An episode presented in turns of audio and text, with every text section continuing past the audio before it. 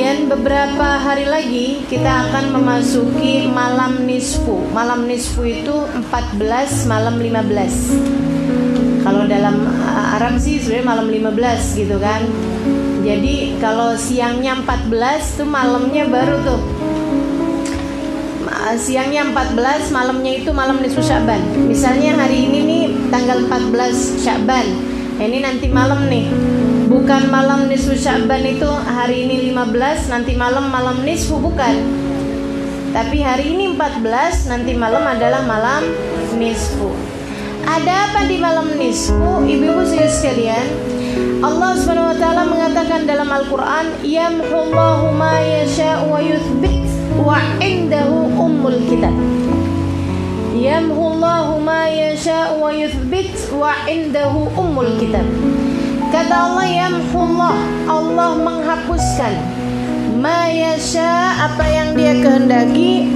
Wa yuthbitu atau menetapkan. Wa indahu ada pada Allah ummul kitab buku catatan kehidupan manusia. Ibu-ibu, teman-teman, saudari-saudariku sekalian yang saya muliakan Setiap hari ini, tiap hari ini Kita nih ngasih laporan sama Allah Semua yang kita kerjakan ini dilaporkan Ada laporannya, ada notulennya Kayak dalam persidangan tuh Kita ngomong apaan aja kan ditulis tuh Ada notulennya Demikian pula dengan kita di atas muka bumi ini Ma yalfidhu min qawlin illa ladaihi raqibun. Tidaklah seorang mengucapkan satu ucapan melainkan ditulis semuanya oleh malaikat raqib dan malaikat atid. Semua perbuatan kita, semua ucapan kita, semua gerakan kita, apa yang kita ketik di handphone kita, semuanya ditulis. Kalau kebaikan oleh malaikat rokib, kalau keburukan oleh malaikat atid. Dan ada laporannya, ada laporannya.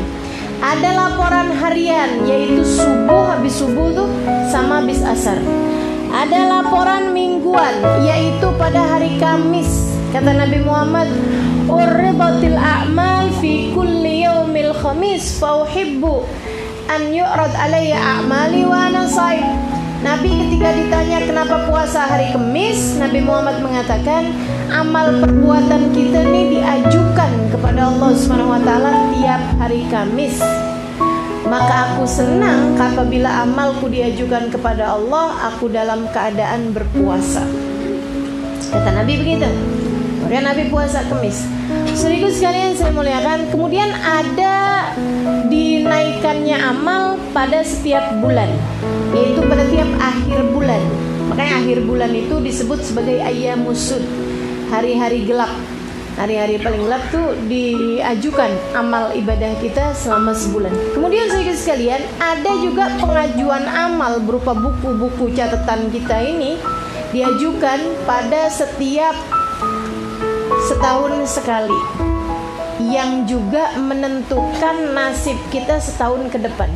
Jadi semacam kenaikan kelas buku rapotnya nih penilaian tahunan. Nih gimana dia nih? Absensinya A, B atau C?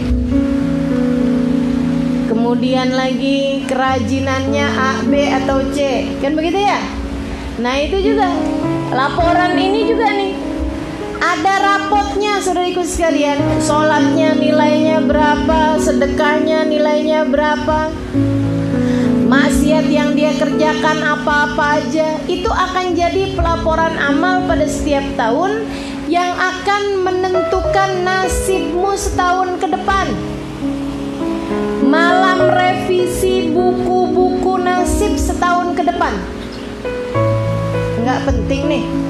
Penting banget penting banget teman-teman sekalian. Allah mau lihat apa yang udah kamu lakukan setahun ini untuk Allah tentukan nasib kamu setahun ke depan. Allah subhanahu wa ta'ala mengatakan dalam Al-Quran Yamhullahu ma yasha'u yuthbit wa indahu umul Allah menghapuskan apa yang sudah dituliskan atau Allah menetapkan apa yang sudah dituliskan dalam buku nasib kamu untuk setahun ke depan sebab ada pada Allah umul kitab buku catatan kehidupan kita Nabi ketika menyebut ini menyebut ayat ini Nabi Muhammad mengatakan daka lailatul nisf min Sya'ban. Itu kejadiannya adalah pada malam nisfu Sya'ban. Jadi malam nisfu Sya'ban itu adalah malam di mana rapotmu setahun ke depan dilihat untuk menentukan nasib setahun ke depan. Ada yang rapotnya nih banyak merahnya nih.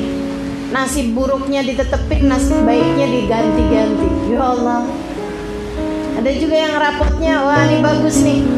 Kalau gitu ke depan nasibnya nasib yang bagus-bagus.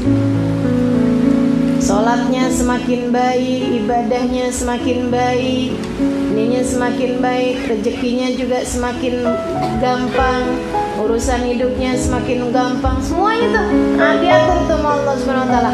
Malam nisfu, karenanya jadi malam yang penting untuk kita memperbaiki amal terutama pada malam tersebut biar Allah nggak tega, nggak tega apa?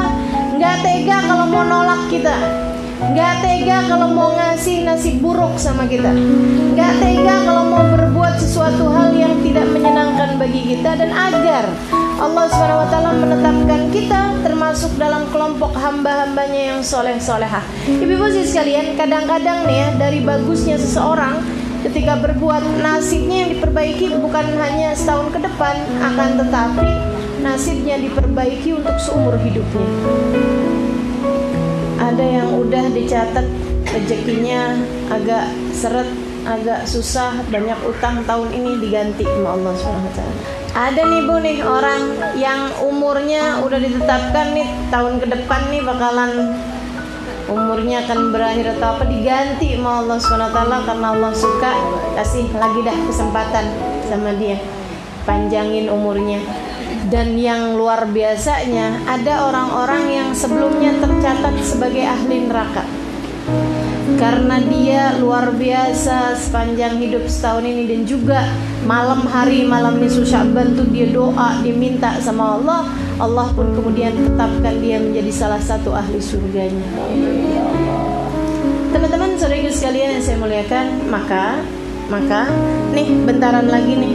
Malam nisfu Sya'ban Nah, kita mesti siap-siap baca. Apa yang dibaca? Yang biasa dibaca dan diajarkan sama para ulama kita.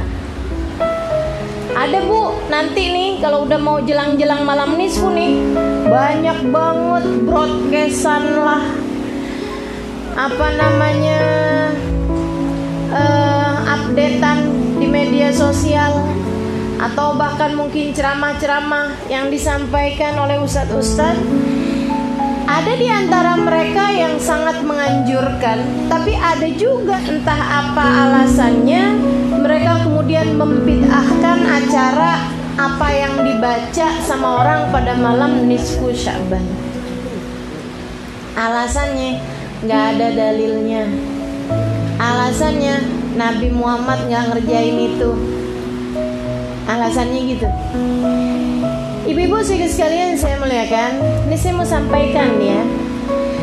Yang pertama ibu-ibu sekalian kalau dikatakan Nabi Muhammad tidak pernah mengajarkannya menurut saya yang namanya kebaikan baca Quran baca zikir itu nggak harus Nabi Muhammad yang ngajarin bu. Karena dalilnya secara umum sudah ada dalil secara umumnya sudah ada. Yang namanya Al-Quran kita mesti baca. Kan begitu ibu ya? Jadi itu yang namanya baca Quran mau kapan aja asal kamu tidak sedang dalam keadaan head atau nifas atau janabah kamu boleh aja baca Quran. Kan begitu? Gak ada ceritanya yang namanya baca Quran itu adalah perkara yang bid'ah.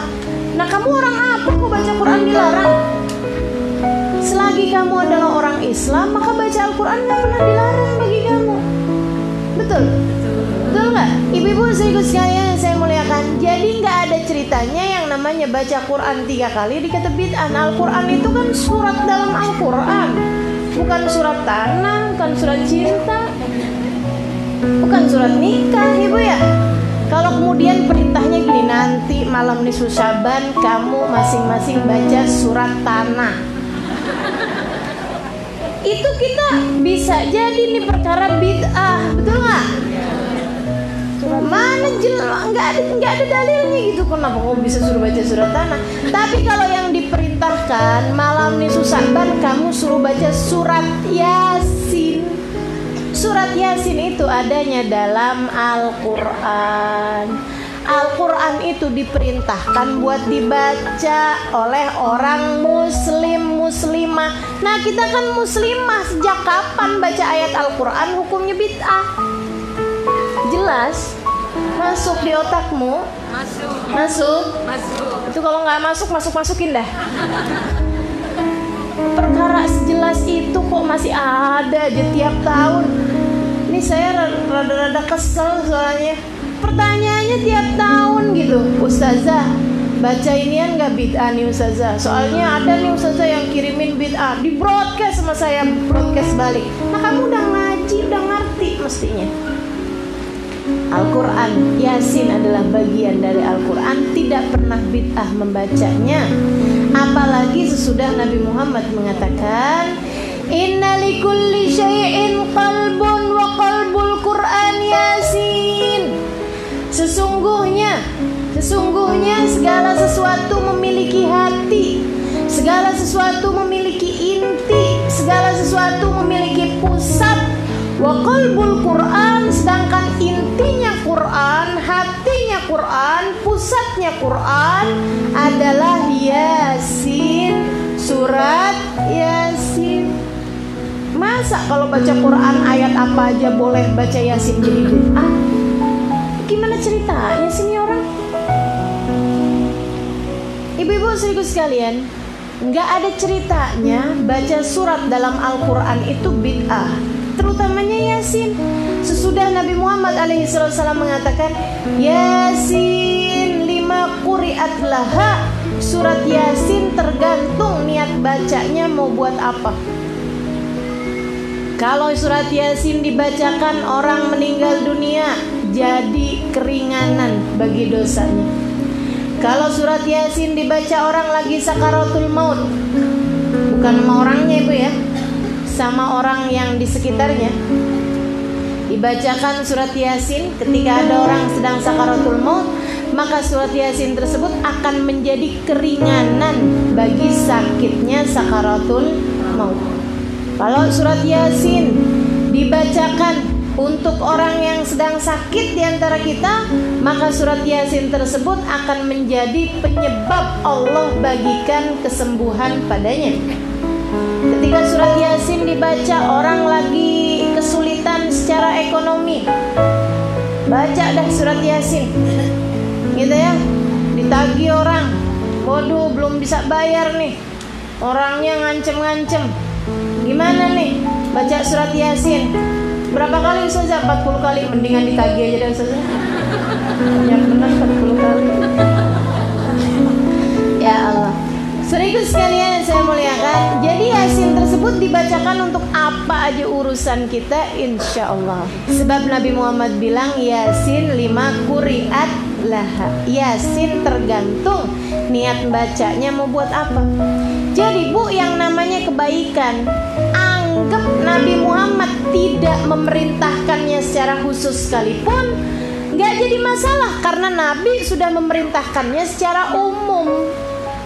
Nabi sudah memerintahkannya secara umum.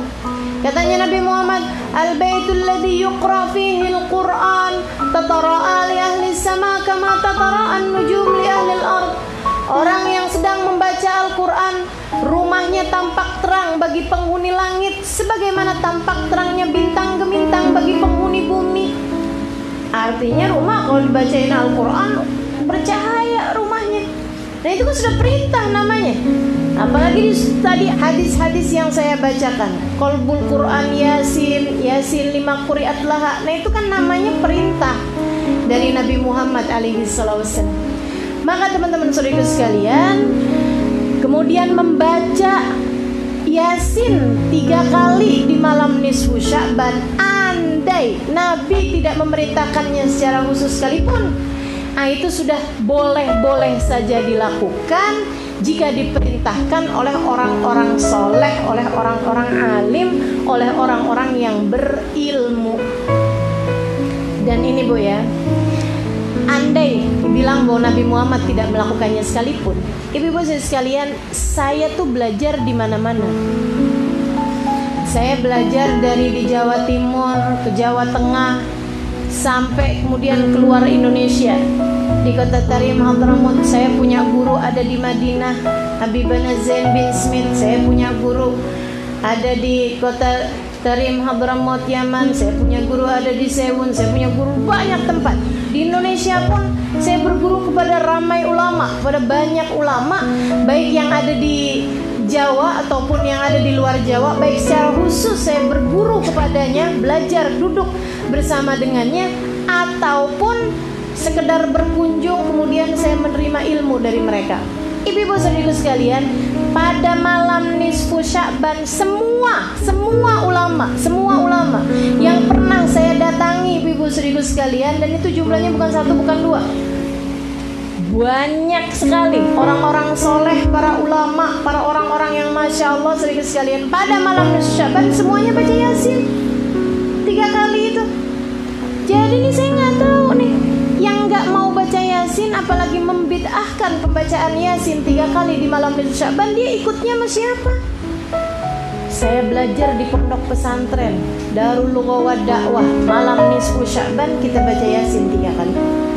Saya belajar di At-Tauhidiyah Tegal Jawa Tengah. Kiai saya baca Yasin tiga kali tiap malam Nisfu Syaban. Saya berguru lagi kemudian kepada Kiai Haji Maimun Zubair ulama terkemuka dari Sarang Rembang Jawa Tengah perbatasan Jawa Timur malam ini Syaban kami baca Yasin tiga kali Seribu sekalian saya muliakan saya berangkat ke kota Hadramaut di Darul Zahra, di Darul Mustafa, malam ini Syaban baca Yasin tiga kali. Bahkan bukan cuman bukan cuman di pondok pesantren, di negeri, senegeri semuanya baca Yasin tiga kali. Pulang dari sana ada masa di uh, sini saya sedang mengawal Hubabah Maryam Tilham Muhammad bin Abdul Haddar Suaminya Habib Zain bin Smith tinggal di kota Madinah, punya pondok pesantren di kota Madinah. Malam di Susyaban ada di sini, beliau kumpulkan kami baca Yasin tiga kali. Jadi saya kalau ditanya kenapa Ustazah malam di Susyaban baca Yasin tiga kali? Saudaraku sekalian, saya dengan mengatakan saya ikut guru saya, Ustaz Hasan Bahrum, udah cukup. Saya ikut guru saya, Kiai Ahmad Saidi, udah cukup. Saya ikut guru saya, Kiai Haji Maimun Zubair, udah cukup? Saya ikut guru saya Habib Umar bin Habib udah cukup? Saya ikut guru saya Habib Zain bin Smith salah satu aja dari mereka yang saya ikuti udah cukup. Apalagi dengan semuanya mengajarkan hal yang sama. Dan mereka ketika saya tanya kenapa membaca ini? Kami orang tua kami guru-guru kami semua melakukannya. Dan si guru-gurunya ayah-ayahnya kalau ditanya kenapa kalian melakukan ini? Dulu ayah kami guru-guru kami semua melakukannya. Terus dari zaman ke zaman zaman ke zaman zaman ke zaman para ulama-ulama melakukannya ibu-ibu teman-teman saudariku sekalian. Lantas muncul orang-orang zaman sekarang. Wow bid'ah tuh maksud kamu bid'ah kayak gimana? Kullu bid'atin dalalah wa kullu dhalalatin finnar. Bid'ah itu perkara yang nggak dikerjain sama Nabi. Siapa yang mengerjakan perkara bid'ah maka bid'ah itu adalah sesat dan semua kesesatan membawa ke neraka. Tunggu tunggu tunggu tunggu. Tunggu. Jadi baca yasin tiga kali malam nisfu syaban itu adalah perkara yang nggak dikerjain sama Nabi. Hah, katanya nih dan perkara yang gak dikerjain sama Nabi itu adalah bid'ah. Ha. Semua bid'ah itu sesat. Ha. Semua sesat bawa ke neraka. Ha. Jadi baca Yasin bawa ke neraka.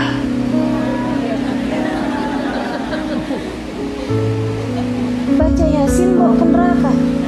Oh, enggak. Saya emang nggak mau deh ikutan agama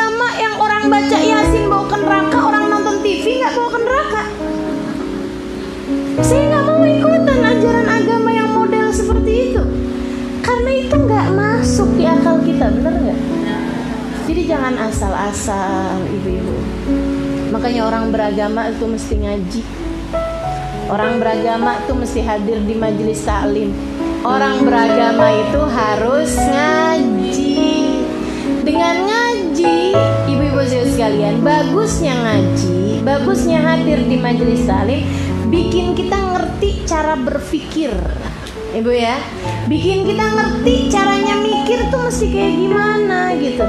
Jadi jangan apa-apa ikutan arus saja dengerin orang bilang ah oh ah gitu aja. Ya Allah ya Allah.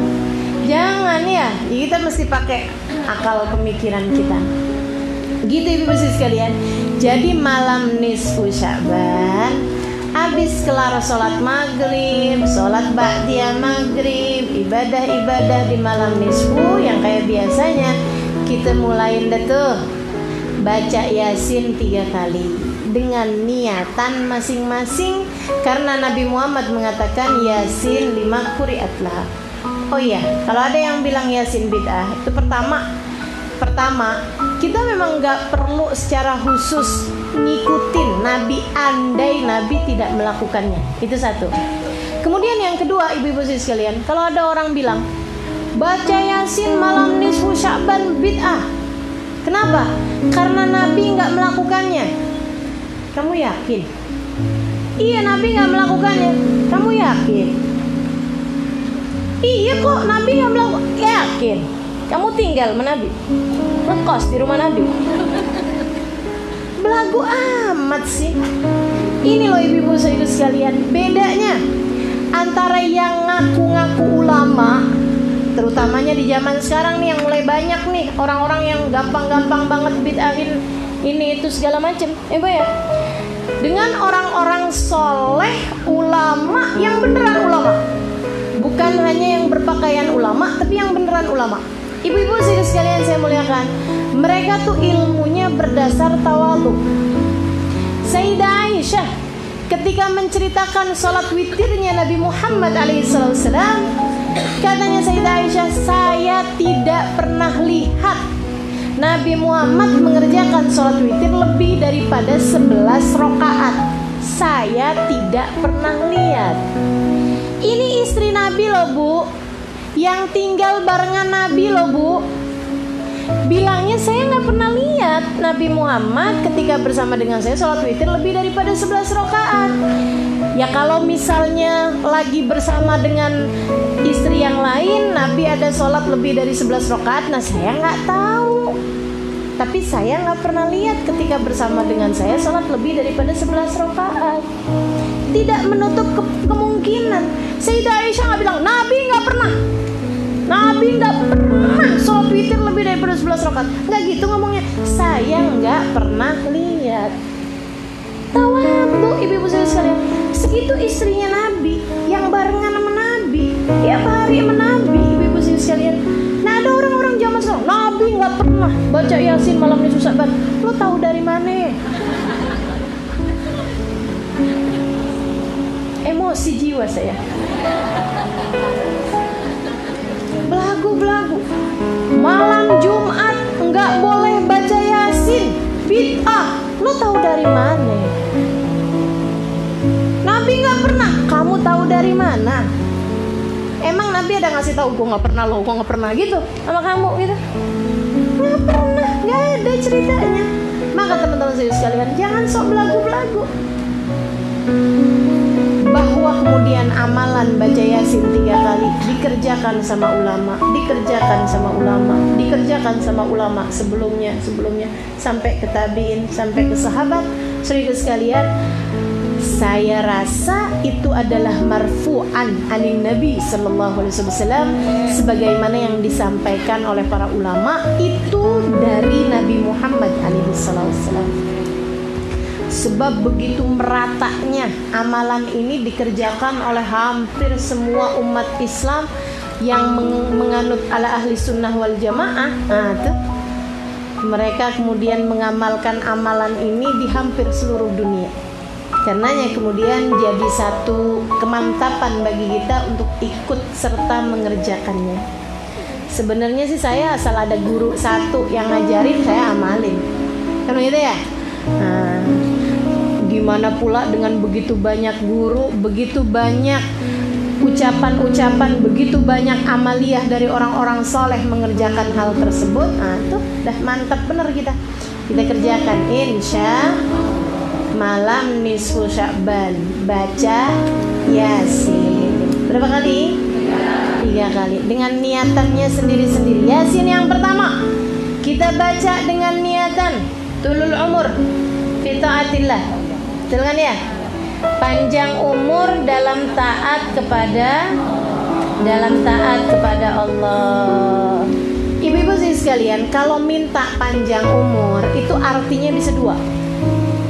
Artinya bisa umurnya panjang, ada yang mengatakan juga yang kedua ini ya Bu ya. Umurnya sih tetap tapi panjang umur taatnya. Panjang umur berkahnya. Panjang umur ibadahnya. Karena Bu, orang umurnya 70 tahun belum tentu panjang umur taatnya. Betul nggak? Kalau ibadahnya jarang-jarang kan umur taatnya pendek. Walaupun umurnya 70 tahun, 80 tahun sekalipun dia sholatnya cuma subuh duhur asar maghrib isya nggak punya sholat tahajud nggak punya sholat witir nggak punya sholat duha misalnya gitu nggak punya bacaan Quran nggak punya dikir-dikiran. Tiap hari kerjaannya di depan TV misalnya gitu ya. Tiap hari kerjaannya ngobrol tetangga-tetangga tiap hari kerjaannya gosipin orang. Ibu-ibu sekalian umur 80 tahun nggak panjang. Jadi yang kita minta tuh bukan panjang umur bu, tapi yang kita minta panjang umur taat. Panjang umur taatnya. Makanya tulul umur fitaatillah.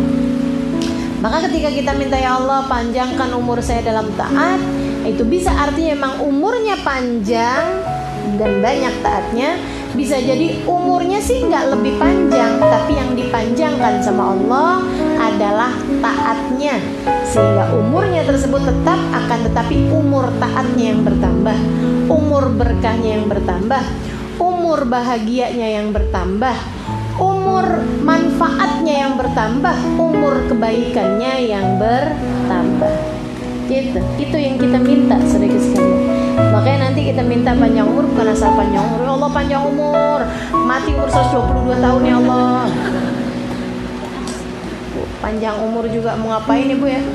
Ibu-ibu kesepian loh kalau umurnya terlalu panjang. Temennya udah mati semua. Betul nggak bu? Ibu udah umur 100 tahun kesepian bu. Anak ibu aja udah jadi nenek-nenek. Ini kan umurnya 90 tahun kan anaknya umur berapa tuh? 70 tahun dan nenek-nenek juga. Cucu ibu aja udah punya cucu. Cucu ibu nih udah punya cucu kalau umur ibu 90 tahun. Gitu ya Allah, ya Allah. Jadinya nggak punya teman. Kalau menurut saya sih umur tuh nggak harus panjang-panjang amat gitu loh. Tapi kita minta sama Allah umur yang berkah Berkah itu yang gimana? Ziyadatul khair, yang banyak bagusnya, yang panjang kebaikan-kebaikannya. Itu yang kita minta dengan surat Yasin yang per Habis kelar baca Yasin, jadi sebelum baca Yasin tuh baca Fatihah dulu. Fatihah dan Yasin dengan niat Allah karuniakan panjang umur dalam taat kepada Allah Subhanahu wa taala dalam keberkahan dalam kasih sayang Allah Fatihah. Gitu mulai baca Fatihah terus baca Yasin. Habis selesai baca yasin baca doanya yasin. Ada tuh kan? Di kitab-kitab majmu di khulasatul madad kitab-kitab doa doa sesudah yasin. Habis itu baru ibu baca doanya. Doa malam nisfu sya'ban adanya di mana bu? Di buku doa doa nisfu sya'ban Ilahi bitajalil azam fi lailatin nisf min sya'banil mukarram gitu kan ya ada tuh doanya. Nah, ibu baca tuh doanya tersebut. Habis selesai baca doa yasin, baca doa nisfu, baca yasin lagi. Fatihah wa yasin lagi dengan niat. Niatan yang kedua agar Allah karuniakan kepada kita rizki. Gitu kan ya? Rizki yang berkah, rizki yang bermanfaat. Ibu, kalau dibilang rizki, jangan kamu kira cuma harta. Sebab orang paling miskin di dunia adalah orang yang gak punya apa-apa kecuali harta. Itu orang paling miskin, kesian. Teman kagak punya, orang yang nyayangin dia gak punya, keluarga gak punya, yang bimbing kehidupan dia gak punya, kesehatan bahkan gak punya miskinnya. Miskin gak? Miskin. Walaupun hartanya melimpah ruah. Karena harta nggak bisa membuat orang jadi cinta sama kita. Betul nggak? Yang ada adalah ketidaktulusan orang. Berpura-pura menyayangi kita di depan tapi tidak di belakang kita. Sedih bener kamu nggak punya temen. Kalau tidak punya sesuatu rizki yang lain selain daripada harta. Makanya minta rizki. Rizkinya tuh apa? Rizki berupa kesehatan. Itu lebih berharga daripada rizki berupa harta. Ibu mau nggak jual mata semiliar semiliar loh bu. Ada loh bu ini yang mau beli bilang enggak kenapa nggak ada yang mau beli juga? Enggak kita ada misalnya ada gitu. Yang mau beli mau jual semiliar. Semiliar mau? Nggak mau. Ya Allah. Berarti ini kan kaya raya kita ini. Cuman kitanya aja yang kurang menyadari. Mata nih udah punya dua. Dua miliar berarti. Kesehatan. Rizki yang lebih berharga daripada rizkinya harta kalau sehat bu ya Allah ibu kalau sehat siang-siang gini makan nasi pakai sayur asem pakai sambal ikan asin. Ikan asinnya kecil aja karena dia asin banget. Ini nggak bisa banyak banyak juga kan ini ya Allah bu mertua lewat nggak lihat. Dari enaknya itu kalau kita sehat betul nggak? Gampang mau nyenengin orang sehat bener nggak? Kita hadir di majelis seneng semua kita. Sehat alhamdulillah. Begitu sakit kamu gak usah banyak-banyak gigi atu kelar urusan. Ngelihat orang ketawa kita kirain ngejek kita. Betul nggak? Betul nggak? Kalau lagi sakit gigi ngelihat orang di TV tersinggung kita. Dari sensitifnya orang ya kalau lagi sakit gigi. Masya Allah. Maka ibu-ibu sekalian nikmat sehat. Jauh lebih nikmat jauh lebih tinggi kadarnya tuh kadar kesenangannya daripada nikmatnya harta. Nikmat punya keluarga. Ibu-ibu sekalian itu lebih tinggi daripada nikmatnya harta daripada nikmatnya sehat. Misal nih kita walaupun sakit walaupun nggak punya tapi di samping kanan kita di samping kiri kita ada anak-anak kita ada suami kita ada saudara-saudari kita yang apa aja yang kita mau. Pegang tangan kita nguatin hati kita ngedoain kita. Terlihat ketulusannya. Bukan model orang yang di saat sakit anak-anaknya pada ngumpul juga minta dia tanda tangan surat warisan. Surat wasiat. Sedih bener ya Allah ya Allah. Nggak ada nggak ada. Ibu ya. Jangan sampai ada yang begitu. Alhamdulillah bu nggak banyak yang kita bagi kalau kita mati. Ibu ya warisan juga nggak banyak. Dah Alhamdulillah nggak bikin anak-anak jadi pada beranteman kalau kita mati. Betul kan? Udah dinikmati aja. Alhamdulillah alhamdulillah. Jadi ibu-ibu sekalian saya muliakan nikmat bukan hanya yang namanya rizki bukan hanya rizki harta. Sekali lagi itu malah rizki-rizki yang rendahan yang Allah akan bagi bahkan kepada orang yang tidak dicinta oleh Allah bahkan kepada musuh Allah. Fir'aun bu musuh Allah ngaku jadi Tuhan. Ibu-ibu sekalian sama Allah dikasih rezeki banyak-banyak. Harta harta dikasih sama Allah SWT dikasih Allah Subhanahu wa taala harta. Karenanya bukan merupakan rizki yang besar. Rizki yang besar. Selain dari harta Ada rizki kesehatan Ada rizki keluarga. Ibu-ibu sekalian Punya suami yang menyayangi kita Itu juga termasuk rizki bu.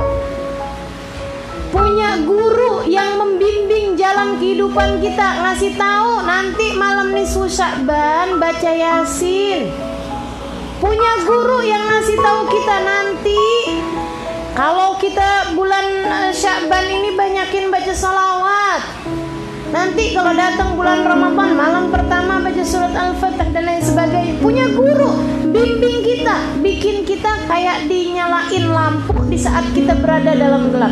Ah, tuh Tuh, depan belok kanan, nanti habis itu belok kiri lagi. Kamu harus begini, kamu harus begitu dan lain sebagainya. Itu ibu-ibu serius sekalian saya muliakan, rizki yang gak ada tara bandingnya.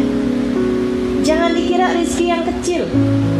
Ribuan orang di luaran sana nggak punya guru, ibu-ibu sekalian. Ribuan orang di luaran sana nggak tahu mesti ngapain kebawa gampang banget. Ntar ada yang bilang begini dia ikut. Ntar ada yang bilang begitu dia ikut. Karena nggak punya guru yang dia ikutin dalam kehidupannya. Betul nggak? Nanti dia hadir di satu majelis dibilangin ziarah kubur sunnah. Dia rame pergi ziarah. Habis itu datang lagi guru yang lain lagi bilang ziarah kubur bid'ah. Sekarang dia ngata-ngatain orang yang ziarah kubur Ibu-ibu serius sekalian saya muliakan nggak punya guru dalam kehidupan dia. Terombang ambing nggak jelas kehidupannya. Maka memiliki guru merupakan salah satu dari rizki besar yang Allah swt berikan dalam kehidupan kita. Belum lagi rizki lebih besar lagi daripada itu. Rizki rasa-rasa batin kita. Rizki rasa hati kita sama Allah dikasih kepada hati kita kona'ah. Sehingga kita nggak terlampau kepengenan sama apa yang Allah berikan kepada hamba-hambanya yang lain. Dikasih kepada hati kita rizki berupa takwa.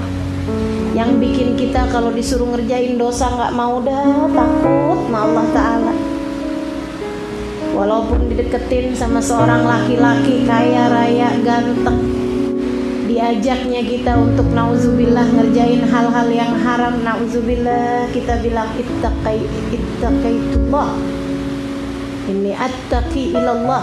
Saya bertakwa kepada Allah nggak mau saya takut. Saya takut nggak mau. Ibu-ibu serius sekalian saya muliakan. Punya takwa punya khauf punya roja kepada Allah subhanahu wa taala.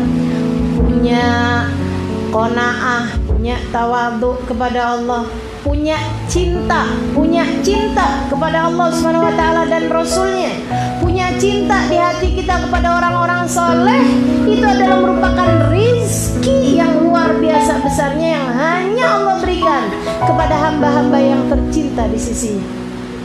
Enggak semua orang dikasih rizki yang kayak begitu. Rizki punya rasa cinta kepada Allah Rizki punya rasa cinta kepada Rasulullah Rizki punya cinta kepada orang-orang soleh Gak semua orang dikasih. Gak semua orang dikasih. Maka ketika hatimu Kok cinta ya saya sama fulan bin fulan?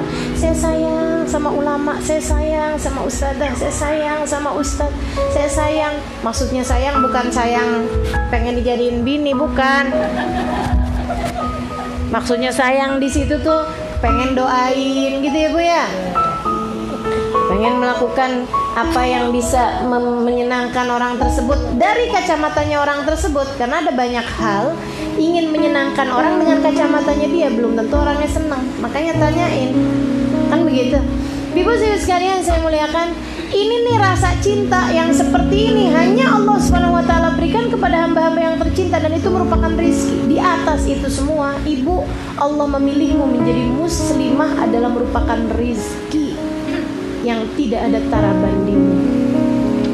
Allah mengaruniakan kepadamu keimanan tanpa ragu-ragu bahwa Nabi Muhammad adalah benar, bahwa akhirat adalah nyata, bahwa surga neraka akan kita tempuh nantinya. Ini ibu-ibu sekalian keimanan yang seperti ini. Enggak Allah swt berikan kepada siapa pun di atas muka bumi ini. Pilihan, kamu pilihan, kamu pilihan. Yang Allah SWT pilih dari sekian banyak hamba-hambanya, Allah memilihmu untuk menjadi hamba-hambanya yang soleh-solehah. Jadi hambanya yang soleh. Makanya ibu-ibu teman-teman saudara sekalian, kita syukuri. Nah, ketika kita baca rizki, jangan dikira cuma rizki urusan-urusan duit doang. Jangan dikira rizkinya tuh cuma urusan harta doang. Jangan dikira yang namanya rizki tuh cuma uang di dompet, baju yang kita pakai, tas yang kita jinjing, sepatu yang kita injak. Sepatu kan injak ya? Ibu-ibu sekalian, akan tetapi kita harus tahu bahwa yang namanya rizki bukan hanya sekedar itu, bukan hanya sekedar makanan yang kau makan, bukan. Rizki sehat, rizki keluarga, rizki guru, rizki kawan yang soleha, yang bisa ngajak kita kepada kebaikan, kan begitu ya? Rizki apa lagi nih? rizki hati, perasaan-perasaan yang menyenangkan, perasaan-perasaan yang baik, rizki majelis. Jangan dikira bukan rizki loh ibu-ibu sekalian. Dirizkikan bisa hadir ke sini nih rizki. Rizki berupa sifat-sifat yang baik, berupa akhlak yang mulia, itu rizki. Berupa kemampuan berpikir dengan benar, itu rizki. Di atas itu semua, Alhamdulillah Allah anugerahkan kepada kita rizki iman kepada Allah Subhanahu wa taala, rizki keyakinan kepada Allah Subhanahu wa taala tanpa ada keraguan. Alhamdulillah. Makanya kita minta sama Allah, ya Allah tambahin rizkinya ya Allah, tambahin rizkinya ya Allah. Nah itu. Ya nanti kalau ngebayangin rizki jangan cuma urusan duit doang, ya Bu ya. Jangan cuma urusan makanan, pakaian doang, tapi semuanya tuh minta ya Allah, rizki ya Allah, akhlak yang mulia, rizki ya Allah, kesehatan yang sempurna, baik badan, pikiran, hati, kan gitu? Rizki ya Allah, keluarga yang soleh soleha, bu punya anak yang sholatnya terjaga, tiap malam bangun ibadah malam. Rizki bukan? Gedean mana dari mobil? Gedean mana dari mobil? Anakmu lebih gede dari mobil. Jadi ibu saya sekalian tuh yang kedua Habis selesai itu kita baca lagi Baca ya fatihah, baca yasin Baca doa yasin, baca doa nisfu Kemudian kita baca yasin yang ke Oh paling penting nih niatnya nih Apa tuh niatnya? Husnul khotimah Husnul khotimah Fatihah wa yasin biniyati husnil khotimah Wasa'adah fidarain Ya Allah saya niat baca Yasin ini agar kau karuniakan husnul khotimah di saat kematian dan juga kebahagiaan hidup di dunia hingga akhirat. Dalam kubur biar bahagia, padang mahsyar biar bahagia, di mana-mana biar bahagia, biar senang terus ya Allah. Minta sama Allah SWT Fatihah gitu Ibu-ibu sekalian harapannya di saat kita baca Yasin tiga kali nih kan kita bacanya bareng-barengan orang, ribuan orang, bahkan mungkin jutaan orang di seluruh dunia. Nah, tuh. Insya Allah dengan berkah doa bersama Yasin bersama tersebut hajat kita semua dijabah oleh Allah Subhanahu wa taala insyaallah amin